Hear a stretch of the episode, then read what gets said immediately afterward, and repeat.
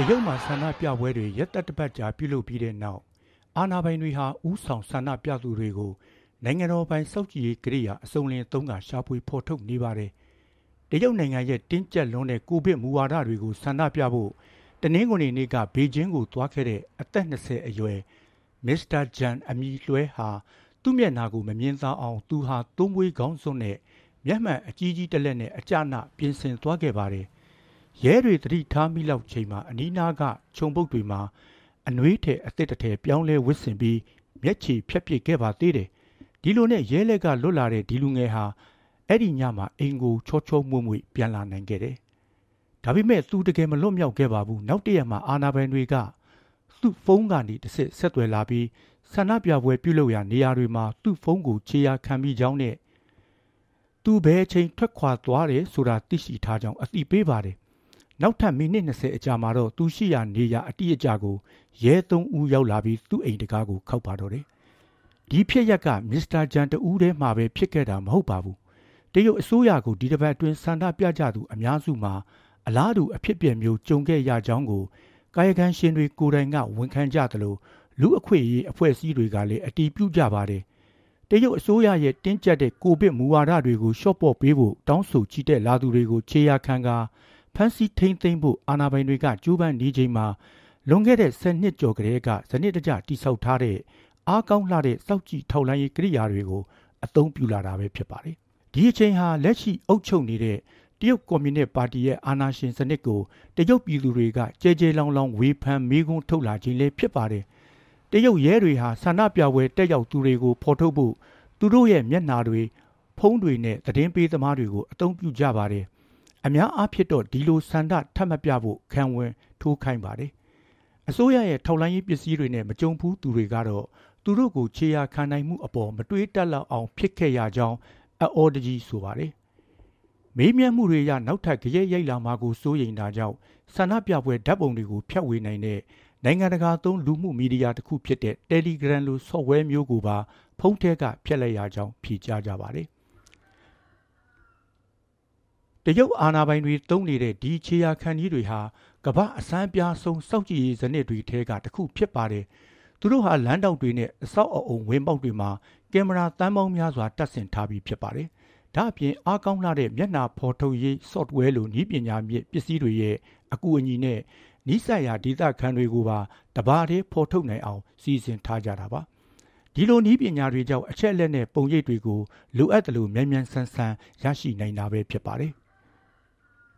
တကယ်တော့ဒီစနစ်ကိုရှုပ်ဖွဲ့တိဆောက်ထားခြင်းမဟုတ်ပါဘူးတရုတ်မှာစတင်တီထောင်စဉ်ကတည်းကလူသိထင်ရှားဖော်ပြခဲ့ပြီးသားဖြစ်ပါတယ်ဒါပေမဲ့ပြည်သူတွေရဲ့စိတ်ထဲမှာဒီစနစ်ကိုဝေးလံခေါင်တည်တဲ့ဒေသတွေမှာပဲအသုံးပြုမယ်လို့ယူဆခဲ့ကြပါတယ်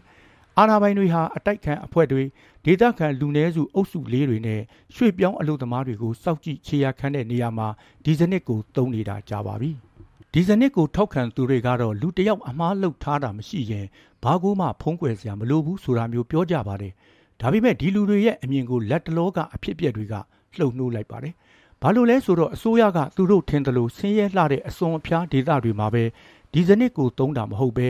နိုင်ငံအချမ်းသာဆုံးမြို့ကြီးတွေမှာနေထိုင်ကြတဲ့လူလက်တန်းစားတွေကိုတိုက်ရိုက်စောက်ကြည့်တဲ့နေရာမှာပါအသုံးပြုခဲ့တာကြောင့်ပဲဖြစ်ပါတယ်။ အရင်ကပြည်သူအများစုဟာစင်စာဖြတ်တောက်မှုတွေကိုအတွေ့အကြုံရှိထားပေမဲ့ရဲတွေနဲ့ထိတ်တိုက်တွေ့ကြရတဲ့အိမ်အထိတောင်လားခေါ်တဲ့ယခုလိုတုံလှုပ်စရာအဖြစ်အပျက်မျိုးကိုတော့မကြုံဘူးကြသေးပါဘူးနိုင်ငံတကာလွန်ငင်းချမ်းသာရေးအဖွဲ့ရဲ့တရုတ်ရေးရာသုတေသီအယ်ကန်အကက်ကရဲတွေကသူတို့အိမ်တကားကိုလာခောက်ပြီးဆန္ဒပြပွဲတွေပြုလုပ်နေတုန်းကသူတို့ဘယ်မှာရှိနေခဲ့လဲမေးတယ်ဒီလိုလာမေးနိုင်ဖို့ဆိုသူတို့ရဲ့စနစ်တကျစောက်ကြည့်ထောက်လန်းရေးနည်းပညာတွေရဲ့ အကူအညီနဲ့ရလာတဲ့အထောက်ထားတွေကိုသုံးနေပုံပေါ်တယ်လေသူတို့ရဲ့ဒီ Big Brother နီးပညာကိုဘယ်တော့မှရက်ပြစ်မှာမဟုတ်ဘူးဒီစနစ်ကအာဏာရအစိုးရကိုတော်လှန်ပုန်ကန်နိုင်တဲ့အလားအလာမှန်သမျှအလွယ်တကူငြိမ့်သက်ပေးဖို့အားကိုးလောက်တယ်လေလို့မှတ်ချက်ပေးပါတယ်ယခုပြုလုပ်နေတဲ့ချီတက်ဆန္ဒပြပွဲတွေဟာ TMN ရင်ပြင်မှာစစ်တပ်ကရက်ဆက်ပြင်းထန်စွာဖြိုခွင်းချေမှုန်းခဲ့တဲ့1989ခုနှစ်နောက်ပိုင်းကာလတွေမှာ ပြန်လည်အားကောင်းလာတဲ့နိုင်ငံရေးဆိုင်ရာလူထုလှုပ်ရှားမှုကြီးဖြစ်ပါတယ်။ယခုချိန်မှာတော့အာဏာပိုင်တွေကအစစ်မြစ်နီးပညာအကူအညီနဲ့တိတ်တဆိတ်ဖြိုခွင်းအရေးယူတဲ့နည်းကိုအသုံးပြုနေတာပါ။သူတို့ရဲ့အဓိကပြစ်မှတ်တွေကတော့ပွဲစီစဉ်သူတွေဆန္ဒပြပွဲအတွင်းအတက်ကြွဆုံးသူတွေနဲ့ခေါင်းဆောင်တွေပဲဖြစ်ပြီးတဦးချင်းစီကိုအိမ်တန်ရာရောက်ဖမ်းဆီးထိမ့်သိမ်းနေပြီပဲဖြစ်ပါတယ်။နောက်လိုက်တွေနဲ့ကြီးစုသူတာမန်ပရိသတ်တွေလည်းတင်းကျပ်တဲ့ခံဝန်ကတိတွေနဲ့ချင်းချောက်ချင်းခံရပါသေးတယ်။ မစ္စတာဂျန်ကိုချီယာခံပုံဒီအတိုင်းအခြားဆန္ဒပြသူအများပြားလည်းဖမ်းဆီးခံခဲ့ရပါတယ်။သူတို့ဟာမျက်မှန်တမ်းမြင်နေတဲ့မျက်နာဖတ်ကင်မရာတွေကိုတတိကြီးကြီးထားရှောင်ရှားခဲ့ပြီးမဲ့ဖုန်းနဲ့ခြေရာခံနိုင်မှုကိုရှော့တွဲခဲ့ကြတာပါ။ area ကောက်အင်တာနာတွဲရဲ့ပါတဲ့ဒီသက်တာသေးသေးလေးတွေဟာစက်ပစ္စည်းအလုံးကိုလွယ်လစ်တကူချိတ်ဆက်နိုင်ပါတယ်။ သူတို့ဟာ cell tower တိုင်းအကြီးတွေလိုအလုတ်လုတ်နေတဲ့အပြင်အနားကဖြတ်တန်းသမျှဖုန်းအလုံးကိုချိတ်ဆက်နိုင်ကအချက်လက်အလုံးကိုအာနာပိုင်တွေစီပို့ပေးပါတော့တယ်။မစ္စတာဂျန်ကိုတော့ရဲတွေကပြင်းပြင်းထန်ထန်စစ်ကြောမေးမြန်းပြီးဆန္ဒပြပွဲတွေထပ်မတက်ဖို့တတိပေးပြီးတဲ့နောက်သူ့တိုက်ခန်းကနေပြန်ထွက်သွားခဲ့ပါတယ်။ဒီအဖြစ်ဆိုးကသူ့ကိုအတော်ထိတ်လန့်စေကြောင်းနဲ့လူထုစုဖွဲ့မှုအရှိန်အဟုန်ကိုဖိနှိပ်ရမှာအခုနီးကထိရောက်မယ်လို့ယုံကြည်ကြောင်းသူကဆက်ပြောပါတယ်။ နောက်တစ်ခါလူတွေကိုပြန်ပြီးစီးယုံနိုင်ဖို့တော့အတော်လေးခက်သွားပြီ။လမ်းမတွေကနေလူတွေပြန်ခွာနေကြပြီလို့၎င်းကဆိုပါတယ်။မျက်နှာပုံရိပ်ကတစ်စစ်ခြေရာခံမိသူမစ္စတာဝမ်ကတော့တနင်္ဂနွေဆန္ဒပြပွဲအပြီးနှစ်ရက်ကြာမှရက်တပ်ဖွဲ့ရဲ့တတိပေးအကြောင်းကြားစာရခဲ့ပါတယ်။သူ့ကိုတော့မျက်နှာမှတ်သားမှုနည်းပညာနဲ့ဖော်ထုတ်နိုင်ခဲ့တာလို့ရဲတွေကပြောကြားခဲ့တယ်လို့ဆိုပါတယ်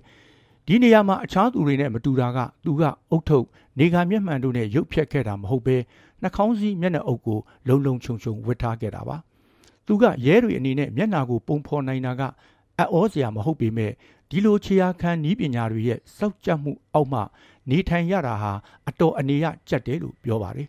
ဒီလိုလူထုစုဝေးပွဲတွေသွားရင်ဒီလိုအန်ဒီရတွေကြုံရမယ်မှန်ကျွန်တော်သိပါတယ်သူတို့ရှာချင်းရင်အလွယ်ကလေးရှာတွေ့နိုင်မှာသိချတယ်လေလို့၎င်းကဆိုပါတယ်ရဲတပ်ဖွဲ့ရဲ့ဖုံးခေါ်သတိပေးချိန်က7မိနစ်ခန့်ပဲကြာပါတယ် ဒါပေမဲ့ဒီအချိန်တူအတွင်းထိရောက်တဲ့ချင်းချောက်သတိပေးမှုကိုအကောင်းဆုံးလုပ်ခဲ့တာပါဒါပထမဆုံးနဲ့နောက်ဆုံးအချိန်ဖြစ်ပါစေလို့ပြက်ပြက်သားသားသတိပေးခဲ့တာလို့သိရပါတယ်ဒီလိုမျိုးရဲတပ်ဖွဲ့ကဖမ်းဆီးခြင်းသို့မဟုတ်သတိပေးစကားပြောခံရသူတွေဟာအင်တာနက်သုံးတိုင်း VPN Virtual Private Network တစ်စစ်ခံသုံးကြပြီး Telegram, Signal စတဲ့နိုင်ငံခြား App တွေကိုဖယ်ရှားလိုက်ကြောင်းပြောပါတယ်။ ယခုခါသူတို့ဟာအာဏာပိုင်တွေရဲ့စောင့်ကြည့်မှုအောက်မှာနေထိုင်ရတာကြောင့်လွတ်လပ်မှုမရှိဘဲသူတို့သုံးသမျှ software တိုင်းကအာဏာပိုင်တွေတန်တရားဝင်ဖွယ်မဖြစ်ဖို့ဂရုစိုက်နေရကြောင်းယင်ဖွက်ပါတယ်တနင်္လာနေ့ကတရုတ်နိုင်ငံအလဲပိုင်းချန်တူးမြို့မှာဆန္ဒပြနေစဉ်ဖမ်းဆီးခံခဲ့ရတဲ့အမျိုးသားတဦးကရဲစခန်းတွေမှာရဲတွေကသူ့ဖုန်းထဲမှာ Telegram နဲ့အခြားနိုင်ငံခြား App တွေသွင်းထားတာတွေ့တဲ့အခါ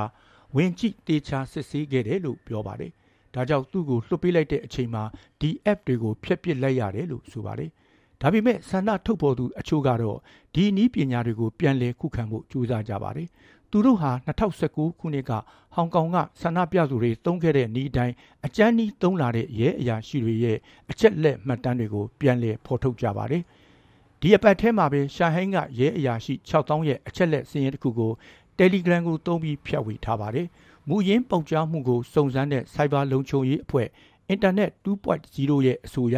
ဒီအချက်လက်တွေဟာ2020ခုနှစ်ကပေါက်ကြားခဲ့တဲ့တရုတ်ကွန်မြူနစ်ပါတီဝင်စည်ရင်းကနေထွက်ပေါ်လာတာလို့သိရပါတယ်။အရာရှိတွေရဲ့အမျိုးသားမှတ်ပုံတင်နံပါတ်တွေလိပ်စာအိမ်ထောင်ရေးအခြေအနေလူမျိုးစုအရက်အမြင့်စတာတွေပါဝင်တဲ့အချက်လက်တွေမှန်ကန်ကြောင်း Times ကအတည်ပြုခဲ့ပါတယ်။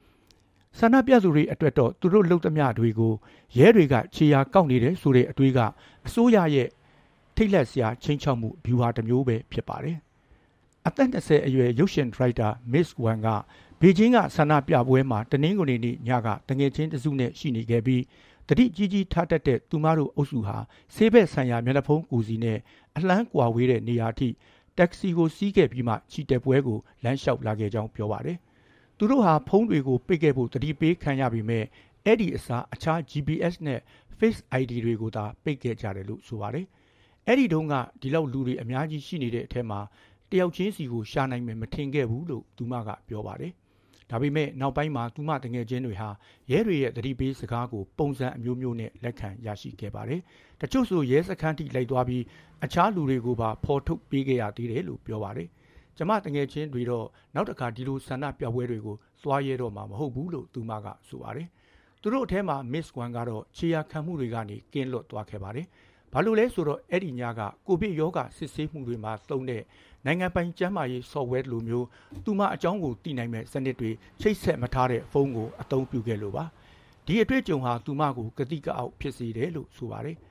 ငါသွားလိုက်အောင်မယ်ရဲတွေငါ့ကိုရှာနိုင်မလားဆိုတာမကြခင်သိရမှာပေါ့လို့ပြောပြတဲ့နောက်လူထုစုဝေးထက်တဲ့ဖြစ်မလားလို့မေးတဲ့အခါမှာတော့သူကရှင်သွားတက်ပြီးထင်တယ်လို့ပဲအဖြေပေးပါတော့တယ်